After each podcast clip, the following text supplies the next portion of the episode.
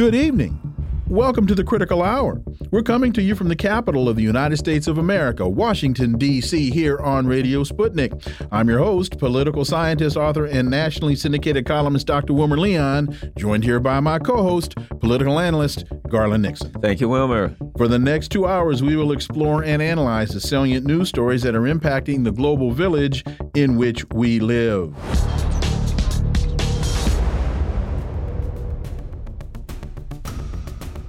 CNBC and other outlets report Trump told by special counsel he is criminal target in January 6th probe. Former President Trump said today that he's been told that he's a target in the January 6 criminal investigation by special counsel Jack Smith. Trump also suggested he may soon face indictment for the January 6th probe, which is focused on Trump's efforts to overturn his loss in the 2020 election to President Joe Biden. For insight into this, let's turn to our first guest. She's a political commentator and podcast host, Misty Winston. As always, welcome back. Thanks for having me. I appreciate it. So, Trump messages deranged Jack Smith, the prosecutor with Joe Biden's DOJ, sent a letter, again, it was Sunday night, stating that I am a target of the January 6th grand jury investigation and giving me a very short four days to report to the grand jury, which almost always means an arrest and indictment. End quote. Now, I think it's interesting that a spokesman for Rudy Giuliani, the lawyer who led Trump's efforts to undo his 2020 election loss, said he has not received a target letter from Smith. And Lin Wood, a lawyer and Trump ally, also said he's received no, no such letter. And Timothy Parlatore, a letter for a lawyer for Bernard Kerik, the former New York City police commissioner who worked with Giuliani on all of this, told NBC that Kerik hadn't received a target letter either. Your thoughts, Misty Winston? Well, I think that the timing is incredibly interesting. I mean, we have the whistleblower set to testify in the uh, Biden saga, uh, which I think is an interesting uh, little tidbit of timing. Uh, but I, I, don't really know what to make of this, frankly. I think that we've seen this, the, all of the footage from the January 6th stuff. We've seen the tweets. Um, I cannot, for, I mean, I'm no Trump fan, but I cannot for myself find anything where he has incited violence or, and in, and in fact, quite the opposite. He, uh, on numerous occasions, uh, begged for his supporters to be peaceful and patriotic and all of those things. So um, I do think it's very interesting to see this all play out, especially as January 6th is starting to come under some more scrutiny with the Ray Epps stuff. Um, and it's it's just it's just a it's a very interesting kind of course of events. I think watching this all play out, it's, it's very difficult for me to think that this isn't politically motivated. You know, Misty, um, so what we're hearing is this. This is the first time ever that a president, former president, has been indicted with anything. And we know some of the unthinkable crimes that have been yeah. done by president. We know, in fact, that we've had presidents literally pardoned as soon as they got out of office because it was so obvious that they were involved in international war crimes. And here's the timing I see it's just come out within the last two days that a Hunter Biden email, which was on Hunter Biden's laptop that the FBI had for a year. They got it in 2019, a year before the 2020 election in which an email came from Burisma that specifically said the reason that uh, that that uh, excuse me, Burisma people were upset because when the Hunter Biden people sent back the contract for Hunter and Burisma, they didn't write in it that Hunter Biden's job was to stop the cases against Burisma. A month later, Joe Biden goes and says, You better fire the prosecutor or you ain't getting a billion dollars. Now, don't get me wrong, I'm not Sherlock Holmes, but that kind of looks criminal. But that comes out, and two days later, they're like, "Yeah, we're going to charge." Trump. I mean, they the only thing that they they're not charging Trump for is mopery on the high seas, and I didn't even know what that is. So I'm saying, regardless of what Trump did or didn't do, it certainly appears to me that they're doing everything they can to hide everything that Hunter Biden does. And if Donald Trump ever parked illegally, he's getting a ticket for it. Misty, and well, and quickly uh, mopery on the high seas is when you're on a cruise, not happy, and you walk around the boat with your face with your lip stuck out. Uh, but, uh, that's moping on the high seas. But the other thing right. is the polling data has shown that if if the information about Hunter Biden's laptop had been known by the public before the election, polling has shown Joe Biden would have lost. Yep. Yeah. Misty. Yeah. Yes, no, you're absolutely right. And that's what's so interesting about the January 6th stuff is that Trump had every right to challenge that election. I mean, you have a right if, in this country to challenge the election. I think that that's, it's very interesting the way that's being used uh, to kind of make that a third rail issue where you're not allowed to even question uh, the integrity of our elections, which we all know are a joke. And I think, uh, Garland, you make a, a very great point. Donald Trump has done a lot of really horrendous things. And it's interesting to me that they're choosing to go after him after some of the most mundane and not the numerous war crimes or whatever. And we, we know that President after president after president have been responsible for and guilty of uh, some of the worst crimes that this world has ever seen. Uh, numerous war crimes, crimes against humanity, rape, torture, pillage, plunder, you name it. Uh, and it's very interesting to me that they're so desperately focused on Donald Trump right now. And it is, uh, I think, in a, a, huge way, a desperate attempt to try to distract away from the, the Hunter Biden stuff. Uh, and I think that it is, uh, unfortunately, not working the way that they're intending it to. I think a lot of people, Trump supporters are really digging in. I was taking a look over social media before we jumped on here, and a lot of his supporters are just uh, doubling down, tripling down. They are ready for this fight, um, and so it's a, it's a very interesting. Again, it's a very interesting turn of events, and the timing of it is just so blatantly obvious to me that this is a political ploy. It's a play uh, to try to distract away from the Hunter Biden stuff, and also I think just to try to keep Donald Trump, uh, you know, uh, as as uh, as in, uh, uninfluential in the election process as possible. And I don't think they're going to be able to succeed in that. How much of this do you think is what I, I remember calling when I was a kid sticking to the bit? Once you once you told yeah. a lie, you had to you had to stay with it till you, till the end. Uh, yes. so, how, so so the, the Department of Justice has initiated a process, and now it appears as though they've got to ride this thing till the wheels fall off.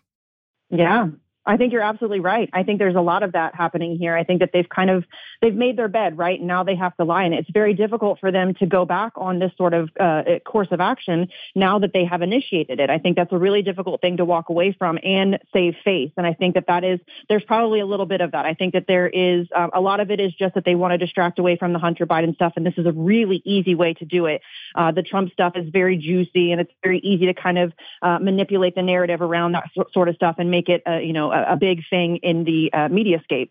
Uh, but I do think there is a lot of this that they have now initiated this sort of course of action, and now they're, they're they're kind of trying to have to live with that decision and play it out to the end in order to save face. And it's it's kind of funny actually. It's a little. I mean, it would be funny if it weren't so just ridiculous and uh, you know, kind of a, a, a, an example of how far gone we are in our political discourse and the way our political landscape. Uh, but it is going to be super interesting to watch this play out and see if he actually will get arrested and indicted again. Yeah, you know, I've heard some people who are friends of mine, lefties. Well, I kind of like Trump, or maybe you know. And I, here's what I say: Trump just the other week said, "Yes, um, Venezuela. While if I was still president, we'd just take the oil. They'd have collapsed." So he's saying I would have basically robbed the country of Venezuela and stolen their oil. This guy is no anti-imperialist, but no. here's all I'll say about Trump. He don't want to pick on the big countries like Russia and China. He wants to pick on the little guys, kind of like a person who goes out on the street and robs little old ladies because they're the weakest ones and they're the easiest to rob. That's Trump. But they won't go after him for that. Now here's Donald Trump classified documents hearing set 1 week before the first GOP debate. So now they're going after Trump for his classified documents. Again, they won't go after him for the stuff that is obviously horrific stuff. That to me, no reasonable person should support Donald Trump when they look at his international for his foreign policies. But to me, it just looks like they want DeSantis or whoever they want. They want to set this up. The Republican candidate is who we've chosen. The Democratic candidate is who we, we were we've chosen. You take a choice. Either way, we win. And they, they see Trump as not a viable person for that scenario, Misty. Well, wait, wait, just well, quick, just quickly, Misty. But please, that's yeah, the that's the role Trump's always been in. Yeah. Yeah. That was the role when he was running initially. He was there more for giggles and grins. And they wound up finding he laughed his way all the way into the White House. Go ahead, Misty. No, that's, I mean, yes, that's absolutely true. I think the biggest problem that the establishment, the powers that shouldn't be have with Donald Trump is that they, he's a little bit more difficult to control. He has no gift for subtlety. Like you just said, Garland, he very often says, uh, he says it out loud, right? The thing he's not supposed to say. I mean, he did it with Syria. We're going to go take their oil. Right. I mean, he just Mhm. says it out loud. And I think that that's, that, that's a big thing that they, they just, it's, it's, he's a little bit more difficult to control than somebody who is a little bit more mainstream like a DeSantis. And I think that that is, you're absolutely right. I think that that's their biggest issue with him. Um, and I think it's, uh, you know, it is, it's mind blowing to me that so many people, he, uh, to give him credit, he has done an incredible job at painting this mythology surrounding himself. A lot of his supporters genuinely believe that that, that man is anti-war and anti-imperialist.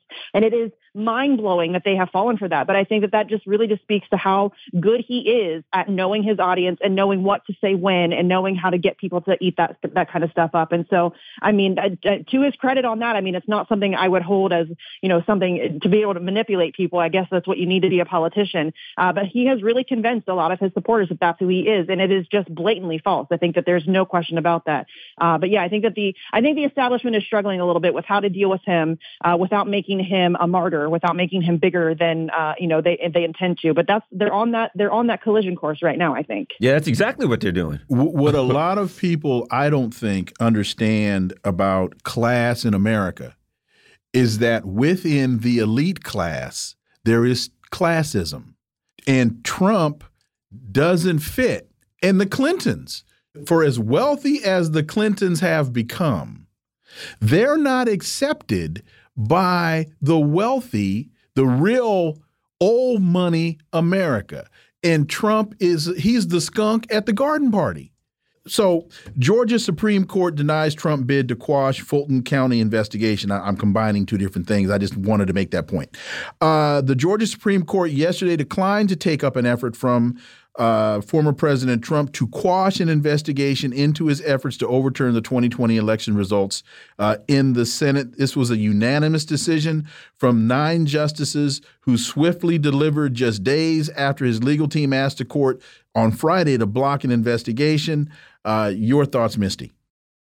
Uh, it's not surprising. I don't think that that is really all that surprising. Again, I think that they're they're going to go after him in every way possible. And something else that too that just struck me uh, as you were speaking there when Garland said that you know he's done all of these other things, all of these horrendous. They can't go after him for that stuff because they're all guilty of it, right? Mhm. They're all guilty of the Yeah. exact same stuff, and so they're looking for things. And again, they're all guilty of the kind of stuff that they're going after him for too, as we're seeing with the Hunter Biden Burisma stuff. They're all incredibly corrupt and corporate owned. Uh, but I think that that's the, the dance that they're playing is trying to figure out what to go after him on uh, and how and how hard to push. Uh, and again, there is a little bit of that. We're in this now. How are we going to? There's no way for them to back out. But yeah, I think that the the Georgia thing is really unsurprising. Uh, I would have been shocked if they had allowed that to uh, to go through. So again, he's getting hit on multiple fronts. But I think that what's happening is it's just making him stronger with his base. I think that they are eating this up. Frankly, I mean they they have convinced themselves that he is some challenge to authority, that he's some challenge to the establishment, and they are playing right into that kind of uh, narrative that he's created around himself. In fact, to your point about they can't go after Trump because they all do it, the example of that is Haiti. If you, where are the billions of dollars? If you ask the Clintons, what happened to all of that money that went to the support of Haiti? Ask Barack Obama, because he's the one that put Bill Clinton and George W. in charge of the Haitian recovery. Where's the money, President Obama? Mm-hmm. And is it a coincidence that you bought that multi-million dollar mansion in Yeah, uh, funny. wherever Martha's Vineyard. Martha's, Vineyard. Yeah. Yeah. How'd that get built? I'm not accusing him of anything. I'm just asking the question: Where did the money go? So we got 30 seconds, Misty. No, I think you're right. But I think if you ask that question, you're immediately just labeled as a conspiracy theorist, uh, you know, cuckoo brain Trump supporter. And that's just the, the, the state of our political discourse. If you challenge one party, then you're immediately a fan of the other party, when in fact, they're all owned and operated by the exact same people and they're all guilty of, you know, essentially the same corruption. And that's where we are.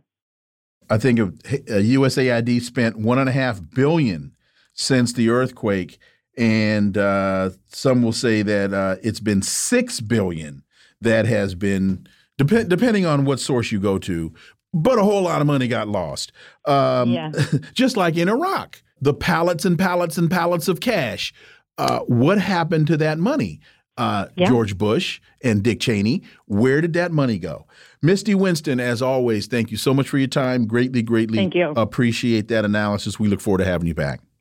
Thanks, guys. Appreciate it. Folks, you're listening to the Critical Hour on Radio Sputnik. I'm Wilmer Leon. I'm joined here by my co host, Garland Nixon. There's more on the other side. Stay tuned.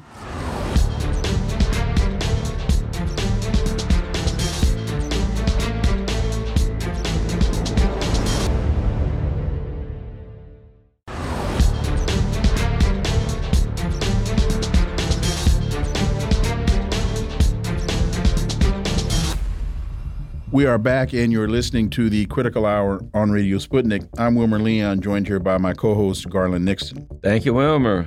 Asia Times reports Taiwan's Hawk missiles likely headed to Ukraine. U.S. reportedly plans to buy back retired missile system and ship to Ukraine to replenish its dangerously depleted SAM stockpiles. How significant is this? And again, this sounds just more like this is a money laundering scheme.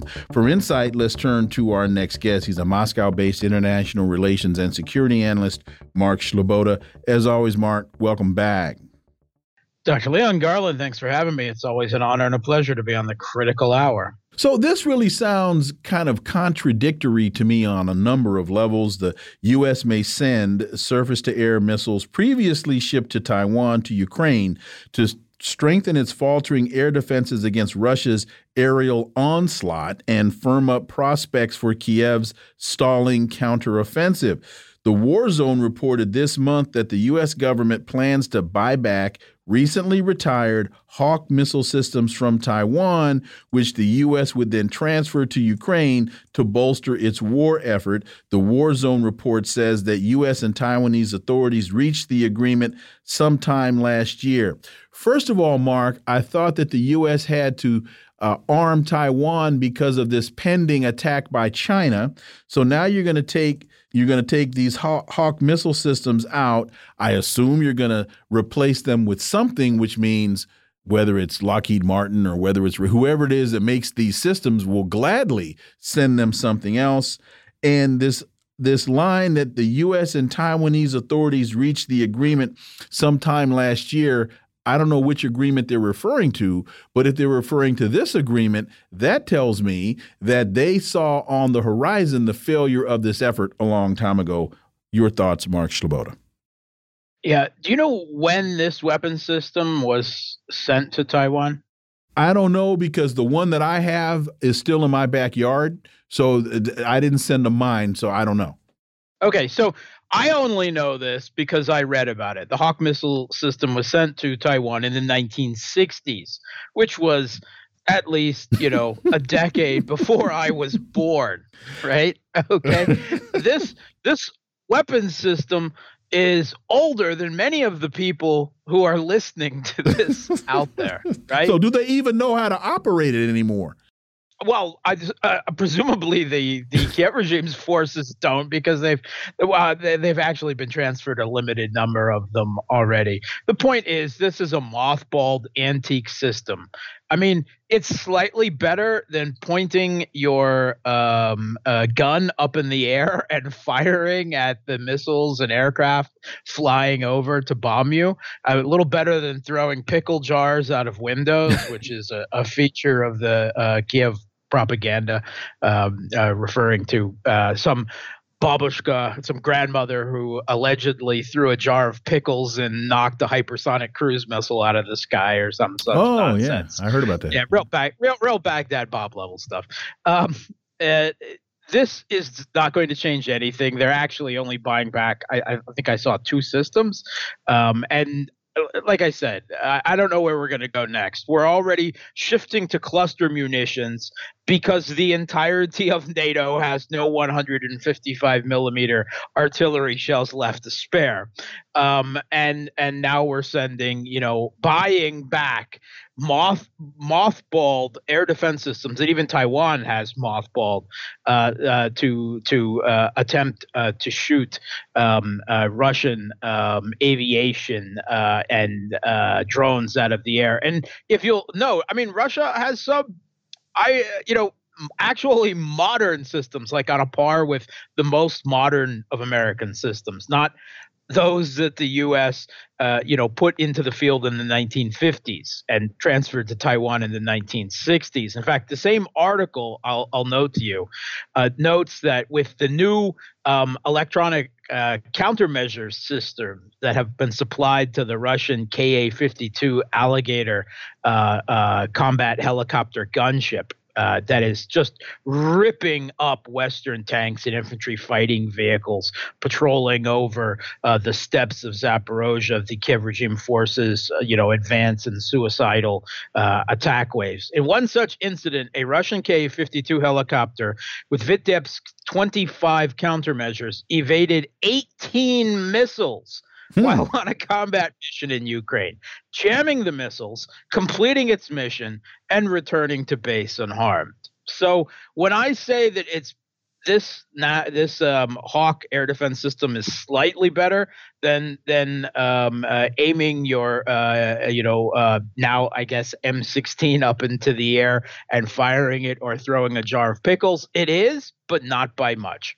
It's desperation. I tell you, I, I can already tell you what's coming next catapults. They're going to call Italy and say some of the old Roman sites that you're excavating from old Roman cities, if you find an old catapult laying around, we'll send it over to Ukraine. They can put some rocks or something in it and heave it yep. at the Russians. So I think we're going with catapults. catapults, I, I think um, uh, cavalry uh, like horseback cavalry, yeah, the U.S. will be able to supply next, and they're probably going to dig up the Monitor and the Merrimack used in the U.S. Civil War from off the bottom of, of whatever ocean they're rusting in, and and and uh, send those to Ukraine too. That might be useful. They're not going to do horses because PETA would complain they you know the horses could get injured. They're just if you saw Monty, Monty Python how they take like a broomstick thing and make it look like a horse, and then just the Ukrainian soldiers because they don't mind if a lot of Ukrainian soldiers die. Horses, we don't want anything to happen to the horses if if they have any leopards left, the leopards and the horses might not get along together. They'll just use the just like Monty Python. Just use sticks. They're just using fake toys for kids. In this piece, it also says in an insider article this month, Christopher Woody mentions that after 16 months of fighting, the Russian Air Force still has nearly all its combat aircraft, with Russia possessing 100 combat aircraft for every 15 held by Ukraine. That's a that's a uh, success rate, I guess you'd say that's that's a gross underestimate, first of all, uh, because the Kiev regime is lucky if they have uh, 30 or 40 aircraft uh, at all of any type capable of taking to the air at this point. And the uh, uh, Western media has multiple times reported that Russia has some 700 combat aircraft just lurking around Ukraine. Not to mention, you know, what else uh, is in their arsenal, uh, considering you know that they still only allocated a, a, a portion of their military uh, to this conflict. They haven't neglected defense responsibilities elsewhere in the country. So uh, I, I, I, would think yes, they have. Uh, we have heard reports from uh, U.S. generals actually testifying uh, before the Senate that Russia has lost essentially none of its combat aircraft. It might actually have more combat aircraft than it began the conflict with because of the increased production rate uh, across the Russian military uh, industrial complex. Uh, but the 15 to 100, I, I, I think, is being grossly optimistic. You know, I would think, maybe I'm wrong, that the Taiwanese or the people in Taiwan would look at what's going on and send the missiles over there and think, hmm, that, that doesn't look like a good situation to be in. And I think that's what they have planned for us. I can, I, if I'm in Taiwan and they're like, "Hey, we need some missiles to send over to Ukraine," I'm kind of looking at the news and I'm looking at Ukraine and I start to think uh, that uh, that I don't want to be that guy, and the U.S. is setting them up to be that guy, Mark you would think that, but then again, you would have think that the Ukrainians would have learned from the Afghans. Yeah. the Afghans would have learned from the Kurds. But at the end of the day, there's no end of you know the amount of uh, useful idiot proxies willing to you know throw themselves forward uh, for the foreign, foreign policy goals of uh, U.S. hegemony abroad, and it, there doesn't seem to be any any limit to that type of stupidity in the world, unfortunately for them. But aren't you also also making, or shouldn't we be making a distinction between the people and the elite that are in office? Because if Tsai Ing-wen can say, you know, I can't remember who the guy was that was running down the tarmac with the with the money falling out of his Uh, suitcase. Ashraf Ghani from, uh, Thank from uh, Rasaf Ghani. yeah, from, so uh, if I if I can be him, uh, successfully leaving the country with with suitcases full of cash, at the end of the day, that might not be. Or looking at how much money uh, Zelensky is supposed to have stolen from Ukraine, and the United States complain about him is, look, man, don't steal all the money. You just have to leave enough for the rest of the folks. Then for them, that's not a bad business deal. Yeah, sure. I mean, it, is uh, certainly. I have never made general generalizations towards all Ukrainians. I always refer to, uh, you know, uh, the political elite in Kiev uh, as the Kiev regime, as I have since uh, 2014.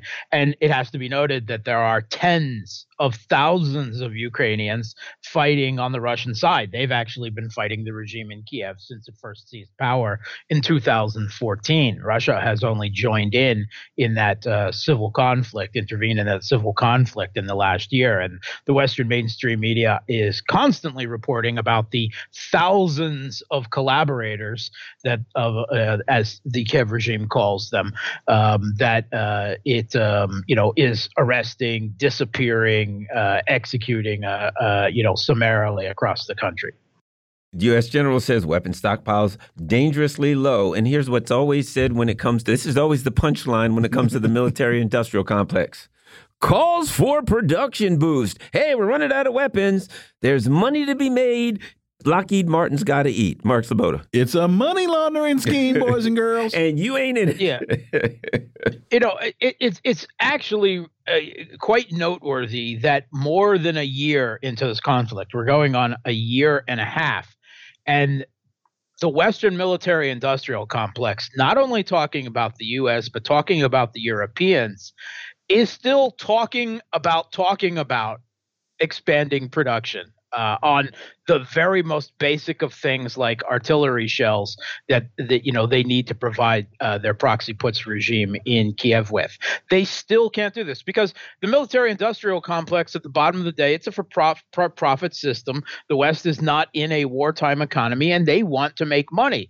And artillery shells and, and the like they're not big sexy profitable things right? And they're saying if you want us to increase production from the you know paltry uh, a thousand a couple thousand shells we're able to produce in any given period of time right now you have to give us long-term contracts to build new factories and hire new people hire uh, specialists you know capable of, of of doing this. Because if we don't have those long-term profits then this is a loss making effort for us and you know uh, you know we're we're really concerned about you know U.S. geopolitical goals in Ukraine, but at the bottom of the day, our bottom line is more important. So, a year and a half into this conflict, and they're still bickering and dickering with the uh, you know the the uh, arms companies about expanding production because it's a big deal. They haven't been geared towards fighting this type of conflict in the West, you know, uh, since the end of the Cold War. You know, they've they've been uh, uh, fighting tribal villagers and you know in Muslim countries across the Middle East and building big expensive boondoggles like the F-35 and the littoral combat ship.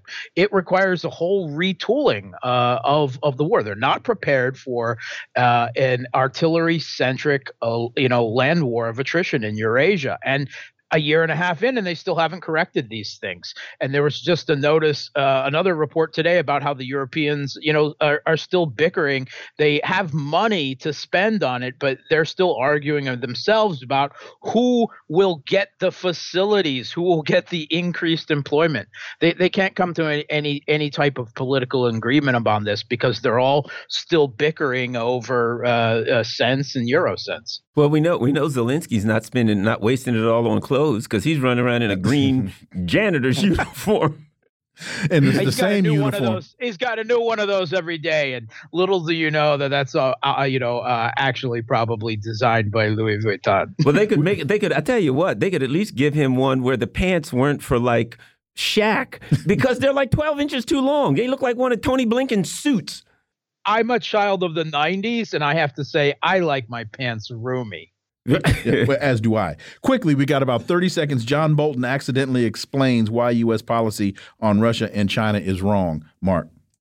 Yeah, um, he he um, has pointed out he's furious that the Chinese are considering expanding uh, their military uh, cooperation with Cuba, and the fact that that China may have you know uh, be uh, they're not actually building a base there, but may get access to some facilities for their own use. And you know the U.S. is always quick to say, you know, concerning Ukraine that you know a country is free to to ally with whoever they want to as long as it's the US if it's Cuba allying with China or the Solomon Islands allying with China or Syria allying with Iran or Russia that's not okay. That's US exceptionalism at play in US foreign policy. So uh, it's uh, you know uh, what's good for the goose is not good for the gander Mark Sleboda, as always, thank you so much for your time. Greatly appreciate that analysis, and we look forward to having you back. Thanks for having me. Folks, you're listening to the Critical Hour on Radio Sputnik. I'm Wilmer Leon, joined here by my co host, Garland Nixon. There's more on the other side. Stay tuned.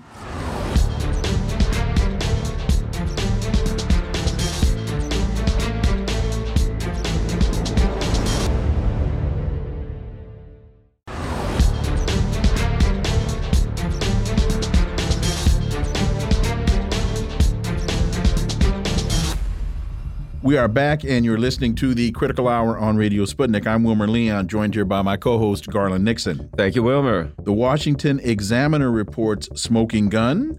2015 emails from laptop reveal ultimate purpose of Hunter Biden's connection to Burisma. A November 2015 email exchange between Hunter Biden and business partners Devon Archer and Eric uh, Schwerin and Burisma executive Vadim Pozharsky has suddenly taken on greater significance. For insight into this and what's the significance of these emails, let's turn to our next guest. He's an independent journalist and author of three books The Frozen Republic, The Velvet Coup, and America's Undeclared War, Daniel Lazare. As always, Dan, welcome back. Thanks for having me. So, the email chain, viewed in the context of recently discovered evidence in the House Oversight Committee's exhaustive investigation into Hunter Biden's, the family's overseas influence peddling business, fits into the GOP's narrative like Cinderella's foot into the glass slipper.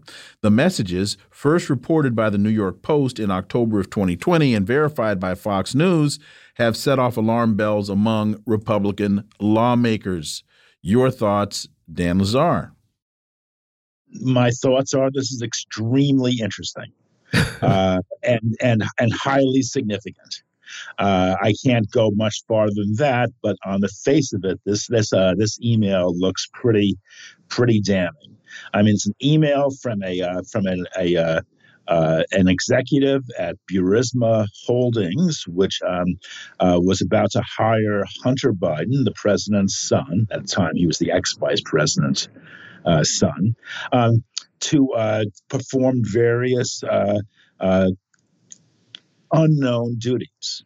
And according to this email, which I I, I trust is um, is legitimate, um, it says that among those uh, those duties it wishes to see carried out uh, is um, uh, to bring support for Nikolai I forgot his last name, who was the uh, the president of uh, of Burisma, uh, and with the ultimate quote with the ultimate purpose to close down any cases or pursuits against Nikolai in the Ukraine.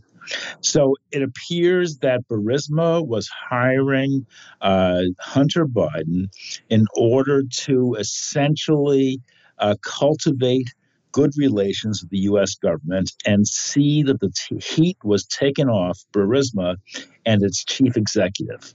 Uh, and this is extremely important because it suggests that Hunter Biden was selling influence, selling his family connections, uh, and this is this is the essence of the problem.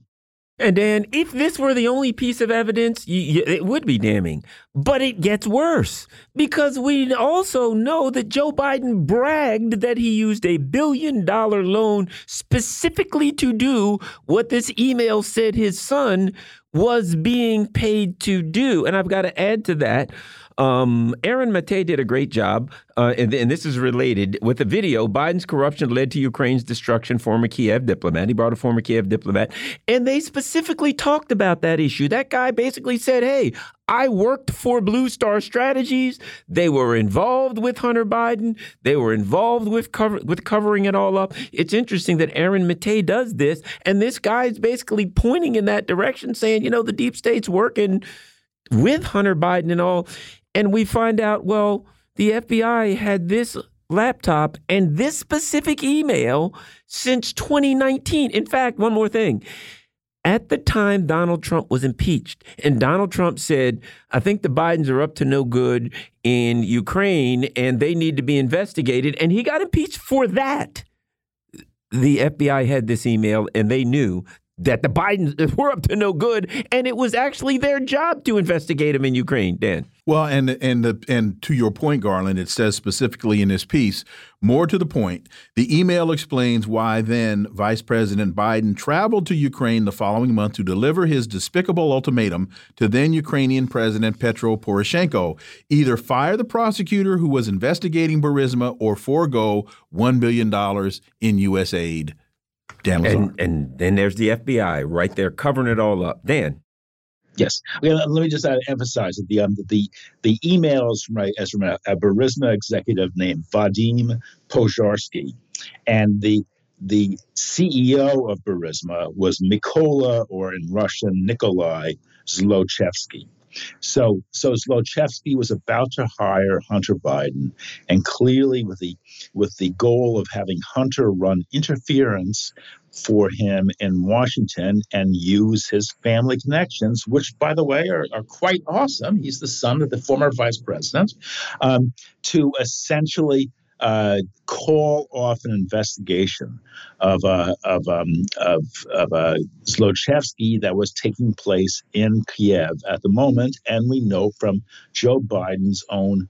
Uh, uh, you know, talk he gave, his own com- talk that he gave at the uh, the, the Center for Foreign Relations, that he then traveled to Kiev issued an ultimatum to the Poroshenko government at the time Poroshenko was the president and told them to fire this prosecutor, which they did. So this is uh, this is very very good stuff. This is gets to the heart of the matter. Um, you know, it's up to the the Biden administration to try to rebut this, but it seems very strong, uh, very persuasive, so uh, they have their hands full uh, coming up with a counterclaim. Additionally, in the uh, in Aaron Mate's um, the, uh, YouTube uh, interview with the guy, I think his name is Andrei Telizhenko. Um, this also aligns with something else because one of the guy, things that the the uh, the guy said, and again, Telizhenko was a um, he worked for the U.S. Embassy and then he worked for Blue Star Strategies, and he was actually the assistant to the um, uh, to, to, that uh, attorney general, the prosecutor, or whatever he was called, that was fired um, by Biden. Um, but one of the things that he talked about was how much power Americans had in Ukraine. He said they were like God. You could call if you could get in contact with somebody from the U.S. embassy or whatever. You were in in Ukraine, you could get anything. They that the Americans would call over to the Ukrainian government and basically order them to do anything. He makes it clear this was a client. This was it was over. There was no sovereignty there. So it also aligns with him saying, "Hey, man, all you had to do was get the Americans, and they could get anything they wanted in this place." To Burisma then saying, "Well, let's get somebody that close to the you know president." vice president, we can get what we want, and they got what they wanted. Dan.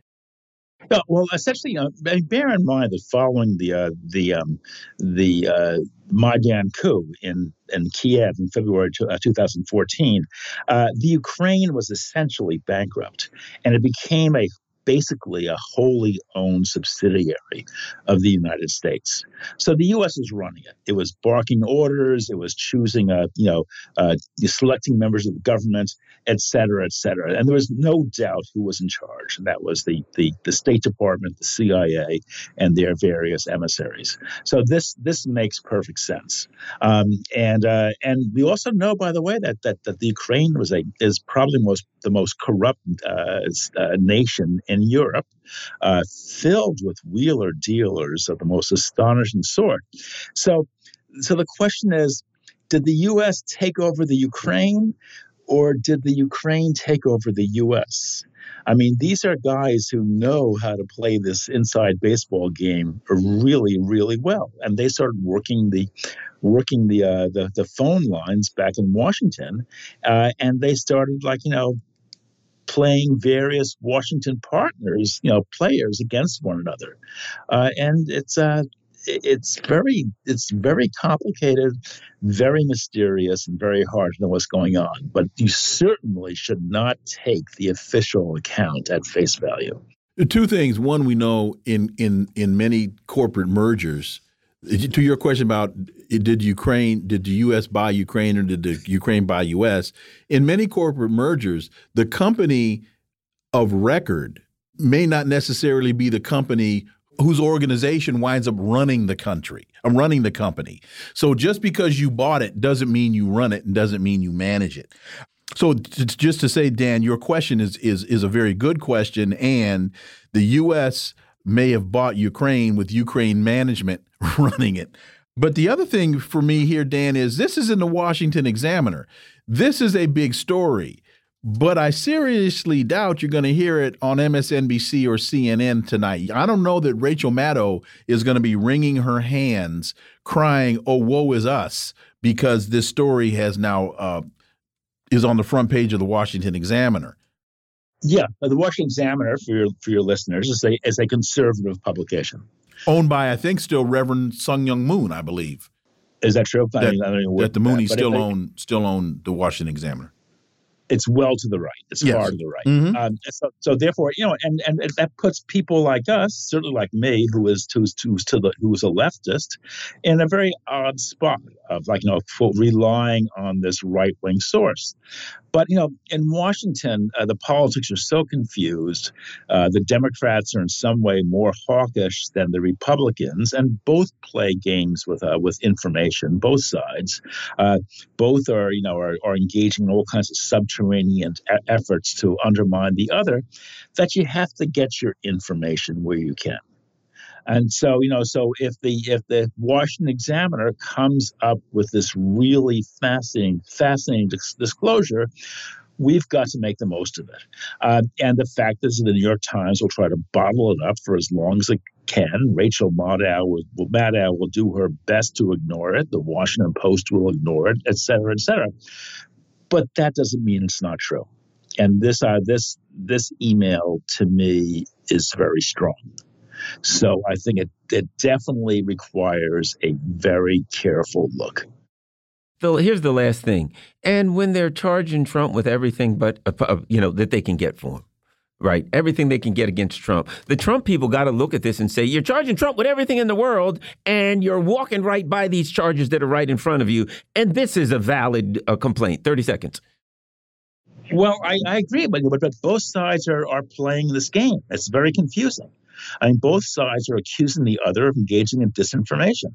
So, for any kind of neutral observer who really, the, the rare, honest observer who wants to get to, to the truth, you've got to take both sides with, with a grain of salt, salt. But, but equally, you've got to be equally skeptical of the claims made by the Democrats as those made by the Republicans. And so, even though this email comes from what appears to be a Republican source, that doesn't mean it's not valid. It doesn't right. mean that it's not important. It's a very, very significant bit of information that has been put out there that may uh, shed important light on the Biden family's uh, business activities. Dan Lazare, as always, thank you so much for your time. Greatly appreciate it. Looking forward to having you back. Thank you. Folks, you're listening to the Critical Hour on Radio Sputnik. I'm Wilmer Leon. I'm joined here by my co host, Garland Nixon. There's more on the other side. Stay tuned.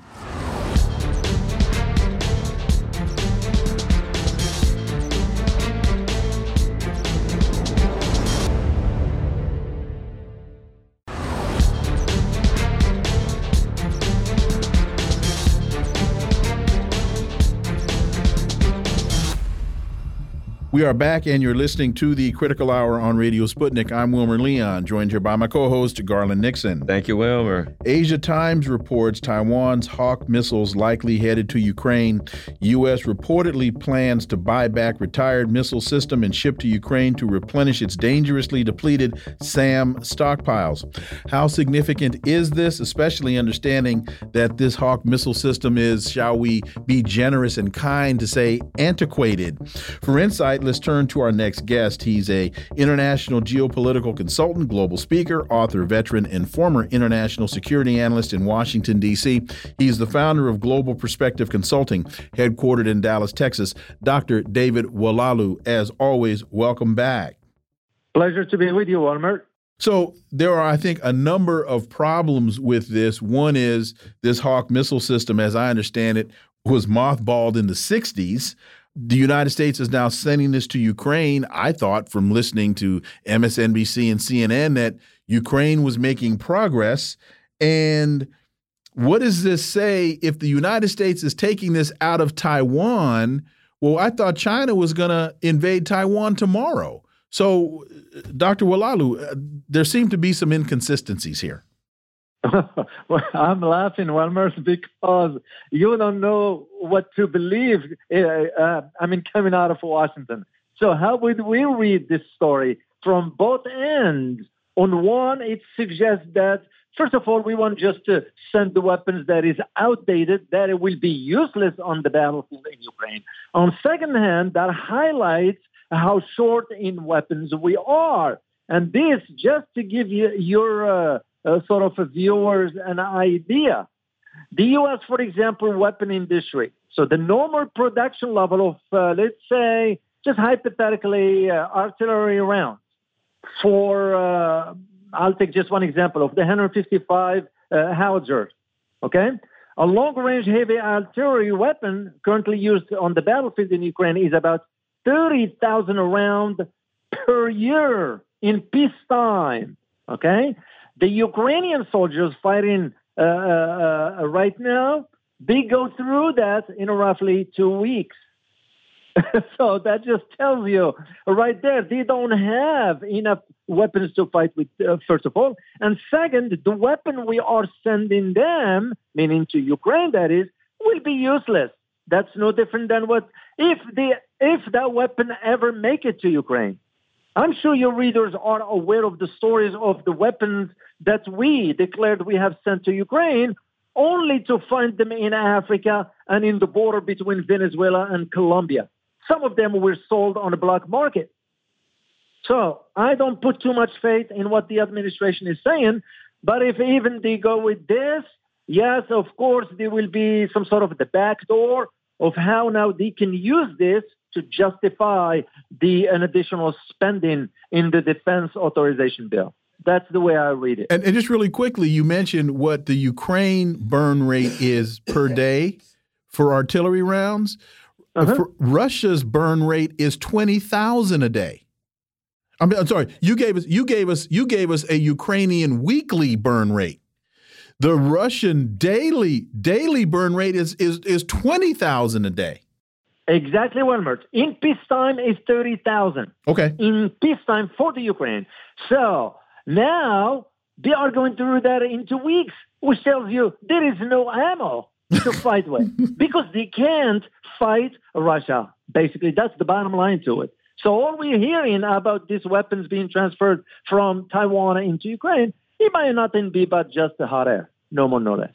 Well, here's the other part if you're sending them, allegedly, a weapon that's already been retired because of its obsolescence, you might as well send them a picture of the weapon if it's of no value, this is not a weapon for a kinetic war. This is a weapon for the information war. So they can say, look what we sent them. And they send it to the uh, Ukrainians, and the Ukrainians are like, what are we supposed to do with this? They're looking at it like, well, it ain't really going to do nothing to hurt the Russians. So just put it in, I don't know, set it in a, in a warehouse somewhere. So maybe when the Russians blow that warehouse up, they won't blow the ones with the real stuff. It is a, a, a sad and pathetic situation, particularly for the Ukrainians. Your thoughts? Use it as a boat anchor. There we go. well, you hit the nail on the head, Garland. It's exactly for information purposes.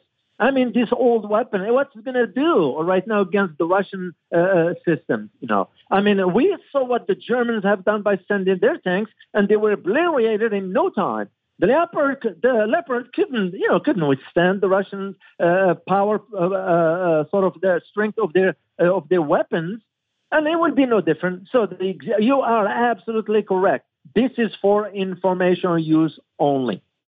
Democrat and Republican senators agree NATO expansion into Asia is inevitable.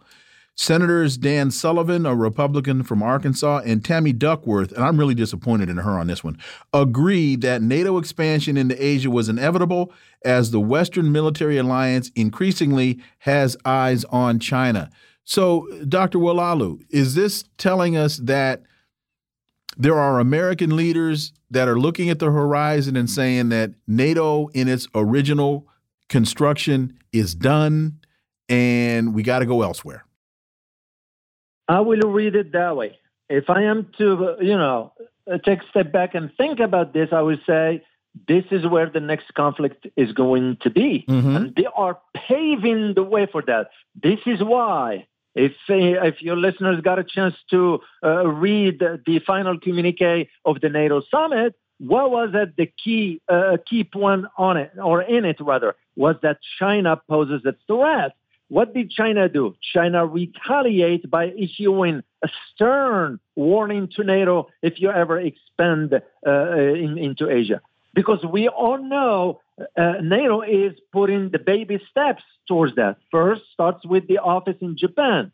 Second, starts with the U.S. Uh, sort of uh, deploying a nuclear submarine in South Korea. Third is the expansion of four bases in the Philippines. And fifth is the deal, actually, the fourth is the deal between the United States and the PNG, the Papua New Guinea, for the military installations there. And the fifth element is the recent agreement between the United States and India for the U.S. to establish a naval logistical hub, hub in India. So all this, to me as an analyst, it tells me, oh, we are planning or where the next conflict is going to be. And China already issued a stern warning, and I am sure China is going to have now to deploy its tactical uh, sort of weapons, tactical, whatever term you want to use for it, forces for it, to ensure that we will stand ready if NATO expands here. Because this one now we're going to be thinking in terms quickly here. We'll be thinking in terms is NATO now is going to become global because that's what it is. Asia Times reports Washington myopia undercuts Indo Pacific partners. U.S. practices selective condemnation, sanctioning Chinese officials, but continuing massive business with Beijing. But that's the reality of the U.S. empire. They say one thing on any one given day and do um, another on the next day. And from what I'm reading, it seems like it's going to be tougher for them to make the case in Asia to get the countries to become vassals and proxies than in Europe, particularly in light of the fact that the Asian countries are looking at what's going on in Ukraine and Europe right now, saying, boy, we don't want to end up like that. Your thoughts? Well, exactly, Garland. I mean, you look at ASEAN, the Association of Southeast Asian Nations, already issued a condemnation for the U.S thinking about sending cluster bombs to Ukraine. And they are like, that's their communique of saying to the U.S., please don't bring this stuff over here. We have a good relationship, economic one that is with China, that we benefit from and we prosper from. So we don't want any conflict in our neighborhood. Keep that to yourself over there. And this is exactly where I feel comfortable saying that NATO it is becoming uh, a security threat or, or a, a threat to global security. What the heck is NATO going to Asia for? If it is a North Atlantic treaty, what are they going to Asia for? And the only reason it's going to be is to foment more tensions there and create more problems. As we look at this whole, you know, Washington myopia undercuts Indo-Pacific partners headline, and this is a in the article they have a picture of Indian Prime Minister Modi and Joe Biden standing together. But Modi's no dummy. He has a very good relationship with China. And I mean, develop, I'm sorry, developing relationships with China, developing relationships with Russia, because those are the countries in his backyard. and this may be a silly question, is he analogous to an Erdogan who's trying to straddle the fence and play as many sides against the middle as he possibly can? He is indeed, Wilmer, because he is playing both sides, putting both feet on each side of the fence, and you cannot you cannot manage your foreign affairs or, or, or international relations with other countries with that kind of approach. I mean, look no further than his recent decisions. There are two main decisions that, that speaks volume. One of them is that he is refusing to support BRICS new currency. Okay. Second one is that he refused to sign the SCO, the Shanghai Cooperation Organization Development Strategy 2030. What does it tell me as an analyst is that, especially after, because those decisions were made right after his return from the United States. Was he given something in return that we don't know uh, about yet? Maybe, maybe not. But I can just see the policies he's embarking on. It's not in support of the stability in the region. Otherwise, why would you allow the installation of a, a U.S. naval hub? Because it's going to turn into a base. You and I know how things work. It's going to turn to a naval base. Then what will be the purpose of it if it is not to encircle China? That's the objective of it. And ultimately, let's face it, um, India aspires to be a world power. If the U.S. neocons were success successful, which they won't be, but if they were successful in taking out China and taking out Russia, guess what? Kashmir is the is India's um, Taiwan and Ukraine. They'd be right in Kashmir, and they would take uh, India out next. Your thoughts? We got one minute. Well, uh, uh, Garland, India has a wishful thinking about the superpower status. Modi has failed to deliver on his campaign promises to increase India's, uh, for example, industrialization by 25% of GDP as he promised. You know, he's kind of like living in La La Land. But obviously, he's getting something in return for him to agree to embark on these policies at the expense of his people. Dr. David Oualaalou, as always, thank you so much for your time. Greatly, greatly appreciate that analysis, and we look forward to having you back. My pleasure. Folks, you're listening to the Critical Hour on Radio Sputnik. I'm Wilmer Leon. I'm joined here by my co host, Garland Nixon. There's another hour on the other side. Stay tuned.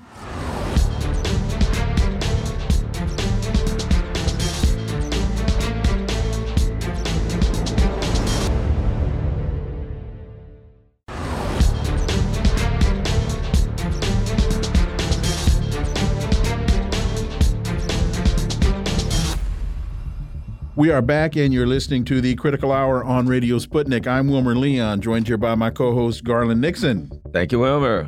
AlMayadeen.com has a piece entitled According to MBS, UAE stabbed us in the back. The once close officials, MBS and MBZ, are head to head competing over who has more influence and presence in the region. For insight into this, let's turn to our next guest. He's an award winning journalist and broadcaster based in Beirut, Lebanon, Laith Marouf. As always, Laith, welcome back. Thank you for having me once more. So it's reported a rift has developed between MBS and his former mentor, UAE President Sheikh Mohammed bin Zayed Al Nahyan, MBZ, reflecting the struggle for geopolitical and economic clout in the Middle East and global oil markets. That said, the two royals are now feuding over who calls the shots in a Middle East where the U.S. is playing a deteriorating role all of this is according to the Wall Street Journal. So, with that being the source of the story, Laith Marouf, what's the story? Yeah, I mean, look, we can see on the ground, even if we don't know if these uh, proclamations were uh, really made by the officials that uh, uh New York Times uh, is quoting. If we look at what's happening on the ground in Yemen, clearly there is a competition between the two countries, the UAE and Saudi, over control of much of South Yemen and its oil resources. And for if you look at the mediascape in the Arabic world and who is funding what and what TV stations are backed by whose money. It is a constant competition between the UAE and the Saudis. Um, Qatar is even now with, if you just if you discount Al Jazeera, doesn't have much influence in the media scape in the Arabic world. So you see clearly this heated competition, and when you know uh, that Al Nahyan family in uh, the UAE is actually just a branch of the Saud family. And uh, Daddy, the uh, empire, is leaving, uh, giving them more space to compete between each other. Of course, we see in reality this is happening. There is a competition between these two countries, whether these, uh, you know, quotations are correct or not. You know, when I read what it's being reported in the U.S. papers, I get the kind of impression that the U.S. is looking at it thinking, oh boy, as they've done, they've exploited any divisions, you know, the divisions between Saudi Arabia, Iran, et cetera, and that they're looking for more divisions that they can exploit. And here's what I'm thinking. Yes, there could be, there's, you know, may very well be some divisions, there may, may, may well be discussions, but I tend to think that the Arab nations now will look more to settle things amongst themselves, that there won't be the room that there was before for for the U.S. to come in and exploit the divisions in the Muslim world? Laith. Yeah, you know, look, the United States started this kind of withdrawal from the region from the time of Obama because the the empire needed to gear itself to a confrontation in Russia, uh, in Ukraine, and uh, with uh, China in Taiwan. And uh, of course, uh, you know, there's been multiple variations of that attempt of withdrawal of the United States and, and finding some formulas where regional, uh, you know, protectorates or allies, when there's not much allies to the, to the West, but protectorates more so, uh, uh, that will take um, the responsibility of uh, the policing of the region on behalf of uh, Washington, D.C., have been attempted. And as we see, they have yet to find a formula. Israel is impossible to rule the region. Uh, Turkey, uh, you know, kind of screwed up all the uh, Muslim Brotherhood. Arab Spring that Obama set up for them, Turkey and Qatar, you know, uh, lost that, and the, the Saudis um, with their Wahhabi death squads failed to uh, do that on behalf of the United States. And now we see the United States having no choice but to continue the withdrawal because of the acceleration um, of the confrontation with the Ukraine and uh, China, and uh, sorry, in, with Russia and China. And this is where we will see continuously these uh, now uh, murmurs and and and kind of uh, shaking of the ground happening in the region with all these countries Turkey, Qatar, UAE, Saudi, and Israel, or all trying to step in in this in this space that the United States is going to leave um, but all, of course, failing because they've never been sovereigns that can do anything uh, reasonably, uh, you know, that that could work. And be a little more specific. Is China playing a role here? We know back in February of last year that uh, President Xi met with uh, Sheikh Mohammed bin Zayed Al uh, Nahyan and and we and we know uh, as you've just been talking about the increased role that China is playing in the region it's filling the vacuum that in fact there really was no vacuum uh, because of how quickly China has stepped in uh, to the lead here. So are they vying for China's attention? Are they vying for China's approval? Or is that not really relevant to what's going on here Yes, of course, the UAE and Saudi Arabia, both of them want to be the part of the um, Road and Belt initiative of China and fit in with the BRICS and uh, other apparatuses that then are being uh, coming up now to existence with the collapse of the imperial order.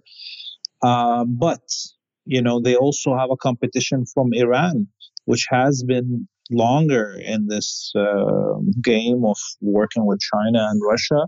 And I think this is where uh, things are going to get interesting. You see, it would be a mistake for China to um, take the same path that the United States took, or similarly for Russia, in terms of how you deal with these Gulf countries uh, that do not represent their populations, that are fabricated entities that shouldn't exist. Uh, you know, imagine if just the, the oil fields in Texas are cut up into a state in the United States, a separate entity, and no immigration is allowed, and uh, these all the oil of the United States is uh, controlled by a million people. This is the reality in terms of most of the Gulf countries.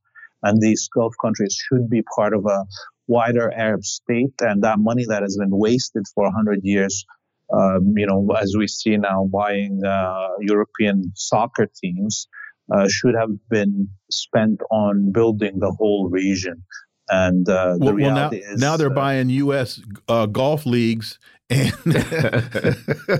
they're buying the yes, PGA yes. and uh, so, something else is on the block now. I forgot what it was. Yeah, it, anyway, it, but but and it sounds to me like what you're saying is this: we're still dealing the the region still has to deal with colonialism. They still have to deal with the legacy of Britain and the U.S. coming in, cutting it up arbitrarily, deciding what's going to be who's going to be in charge. Even the House of Saud, let's face it, the UK put them in charge, so they're still struggling to get to deal with um, the legacy of colonialism.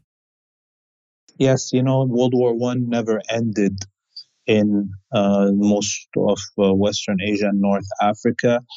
Um, and this is true for most of the world outside the West, but much more prevalent uh, that reality in uh, Northwest Asia. So, look, uh, until those issues that never got resolved at the end of World War One get uh, dealt with, all of humanity is stuck in this loop, and this is why we're working towards a multipolar uh, world, and we're trying to, you know, decolonize ourselves and bring back uh, the European man to his uh, actual true size in humanity. Did so much space geographically, but in mentally where humanity has been occupied by uh, European uh, nations, and now it's the end of that uh, 900 years of expansion that started with the Crusades.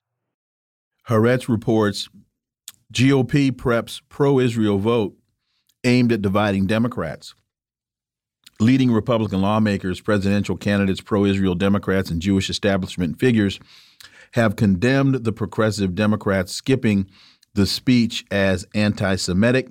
Rashida Tlaib, Congresswoman from Michigan, Detroit specifically, yesterday announced she would join the boycott of Israel President Herzog's address to a joint session of Congress as House Republicans prepare a floor vote aimed at politicizing Democratic standing for Israel at a time when Israeli and U.S. officials are attempting to stress bipartisan support. Laith Marouf. Look, today the whole of Israel was kind of on fire. The demonstrations by the various uh, Israeli groups against the uh, change in um, judicial system of the country.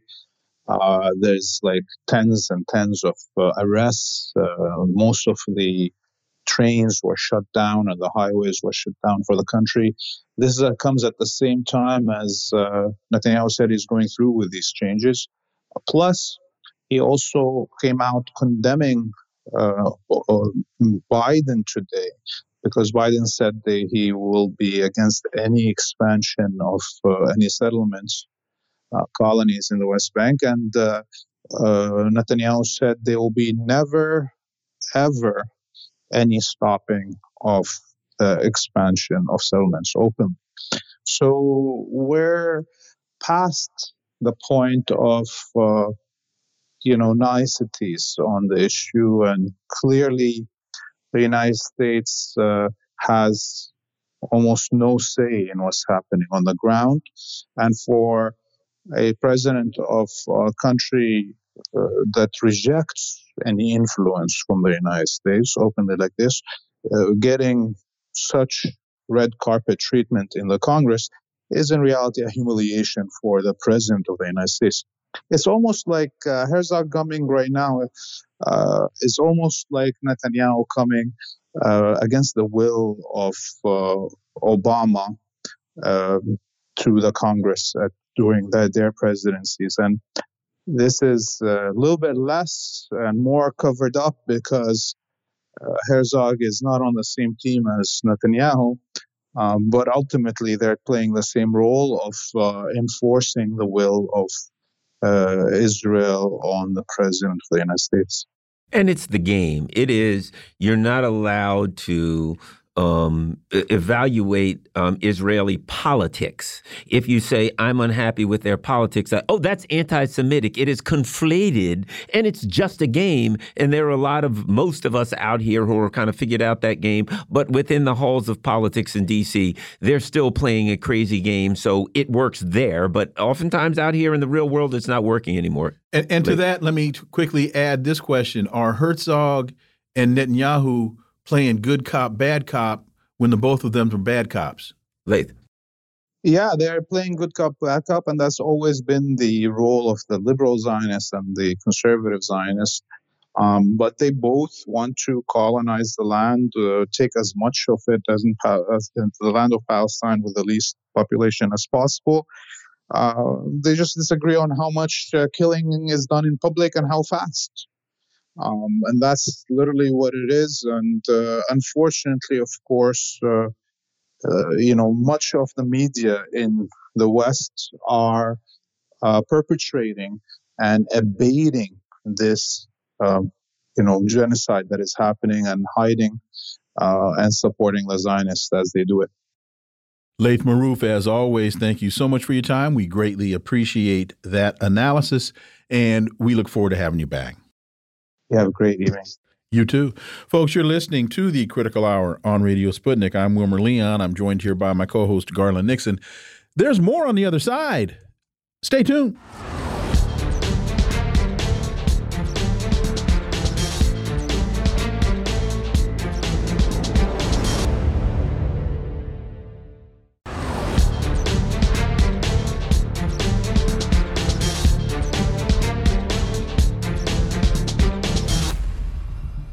We are back, and you're listening to the Critical Hour on Radio Sputnik. I'm Wilmer Leon, joined here by my co host, Garland Nixon. Thank you, Wilmer.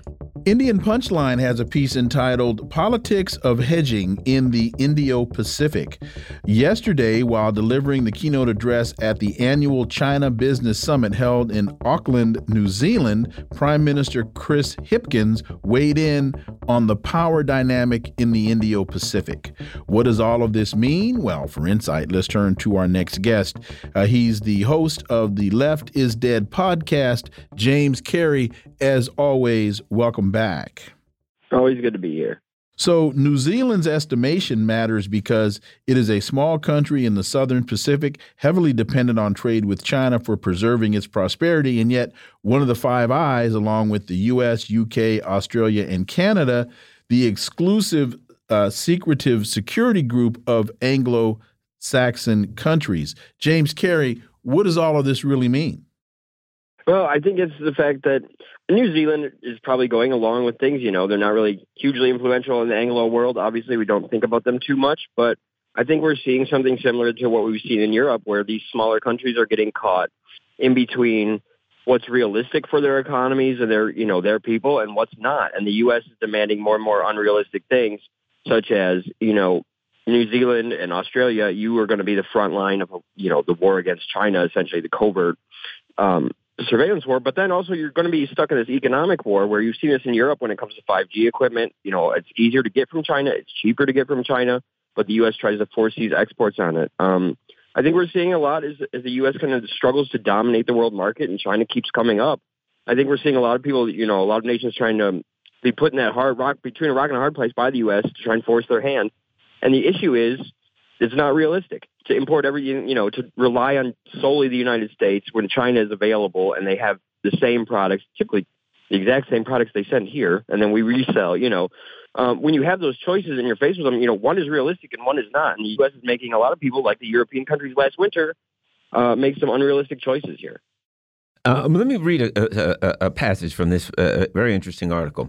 Even Singapore, the U.S.'s closest ally in Southeast Asia, has begun to differ. Foreign Minister Vivian Balakrishnan told reporters ahead of the ASEAN Regional Forum in Jakarta on Friday that the ASEAN countries do not want to be divided or vassal states, or worse, an arena for proxy wars. The meetings in Jakarta on Friday indicated that the ASEAN countries do not want the U.S. to make the region another arena for its destructive power games. I think this is fallout from Ukraine. These countries are looking at Ukraine and they're saying, hey, man, they're looking at the U.S., they're looking at Nord Stream, and they're saying, wow, that that that is certainly not a very good future for us. And it just doesn't appear that after what's happened in, in, in Europe, it's going to work quite as well in Asia. Your thoughts?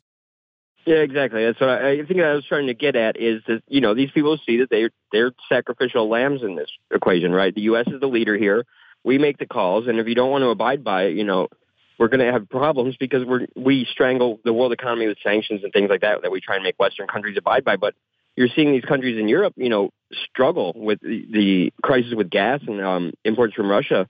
And I think, you know, when it comes to say the Philippines or Indonesia, it's not like we don't have a history here. You know, a, long, a very long history of CIA activities, um, activities that put these governments in place, actually.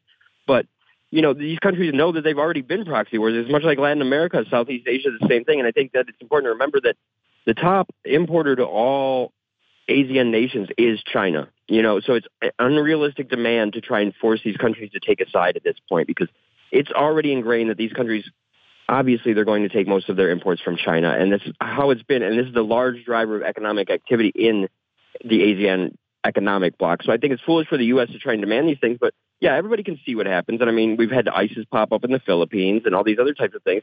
And there's going to be proxy wars with the Philippines, Vietnam over water rights and things like that. You know, the U.S. is standing up for them when they talk about it. So I think you're seeing that these countries don't want to be placed in the middle because, yeah, you'll get left out to dry like Ukraine, right? And so where does that leave Taiwan?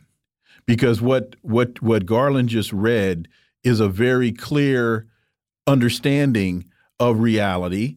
Taiwan doesn't want to become uh, what Ukraine has become. Uh, Taiwan doesn't want to become what Libya and Iraq and Afghanistan have become. So where does that leave Taiwan in all of this? Yeah, I think Taiwan. Um, you know, who knows what the leaders will do? If I don't think that anyone's really itching for that conflict, and I think that Taiwan is looking at Ukraine, especially. You know, you can be given all this advanced military equipment, but you can't be made to win a war if you just don't have it there. And I think that um, I, obviously, again, China dominates this region. It would be foolish, even more foolish than the Ukrainian thing, you know, to try and start, start a war in China's ba- literally their backyard. You know, it's on their property, as far as I'm concerned. But to see that, to see how Ukraine's treated, and to think this country a world away, not full of white people like Ukraine either. So to think that they're going to be treated very well, you know, they're, they're looking at more situation where they're more likely to end up like a terrorist proxy that we used to use or something like that. Um, I think they're seeing that we may rely on them, but at the same time, the U.S. is making moves to get our reliance off of, say, like high tech chips and things off of Taiwan. So I think that they're seeing, you know, hey, if they really want to start a war here, they're also making the moves to not need us as much, so we can be a sort of blown out battleground forever if they want us to be. And I don't think that the people of Taiwan are going to want to go for that, even if they don't support, you know, mainland China. Medea Benjamin and Marcy Winograd have an interesting article. It's in Sheer ScheerPost, and it's called NATO is a Warfare Alliance, not a force for global peace or stability. And nobody wins. If you look at what's happening, Russia's in a war. Um, the, uh, the, the Europeans, their economy is going down the drain, and their people are turning against the political elites. But even Zelensky, I'm sure you saw the picture where he had on his janitor's uniform, standing around looking like a, a lost puppy as the NATO people laughed at him him. And I got to add this. If you look at what happened, I don't think Ukraine should be in NATO. But what did the U.S. do? They said to the, the Ukrainians said, "Hey, um, we got a plan to end the war. We can just sign it with Russia." And the, the U.S. said, "No, no, no. You can't end the war. You must stay in the war." And then Ukraine said, "Can we get in NATO?" And the U.S. said, "Of course not. You're in can't get NATO. Why? Because you're in a war." So either way you look at it, I take issue with your lost puppy analogy because lost puppies are cute. And if there had been a lost puppy at the party, people would have gravitated to the puppy. He was a skunk at the lawn yeah, party. good point. Your thoughts? Well, we know he owns suits for one thing. I want to say that. I don't know why he's wearing these fatigues all the time. But yeah, I think that, you know, it's clear that obviously, again, this is the sort of um, the U.S. is watching the global marketplace sort of tighten, and I think that this is another move where it's like, look, we want Russia out as a competitor. We want to make sure Russia depletes their resources, and, obviously the U.S. wants to displace Vladimir Putin. And I think that they're willing to let things ride out until then. Ukraine is not valuable to them. I mean, Eastern Europe, for the most part, isn't valuable to them. Um, I think that peace obviously isn't the objective here. We've seen that from both the Anglo countries, the Anglo leaders. You know, Boris Johnson went over there as they were trying to negotiate peace and stop that too. Um, uh, the U.S. makes wants to make sure there's no competitors, and if you know we can't have the direct war to do that, obviously, because it leads to nuclear war. Uh, if it means exhausting Ukraine, if it means exhausting tai- Taiwan, if it means exhausting Hong Kong, you know, if it means exhausting anywhere, we're willing to do it. But the thing is, the U.S. has no willingness or no ability to project this power on their own anymore. So you're seeing a sort of flopping, uh, sort of flopping as they try and push this power through other sources, and it's just not working because you know there other people are going to want things. They think that you know it's like the Kurds trusting the U.S. over and over. People are going to think that you're serious about your half of the bargain, and that's just not the case. But isn't this old generals fighting new wars? Because you know we're going to turn the the ruble into rubble. Uh, well, that hasn't happened yet. Uh, we're going to cause such instability in Russia that they overthrow Vladimir Putin.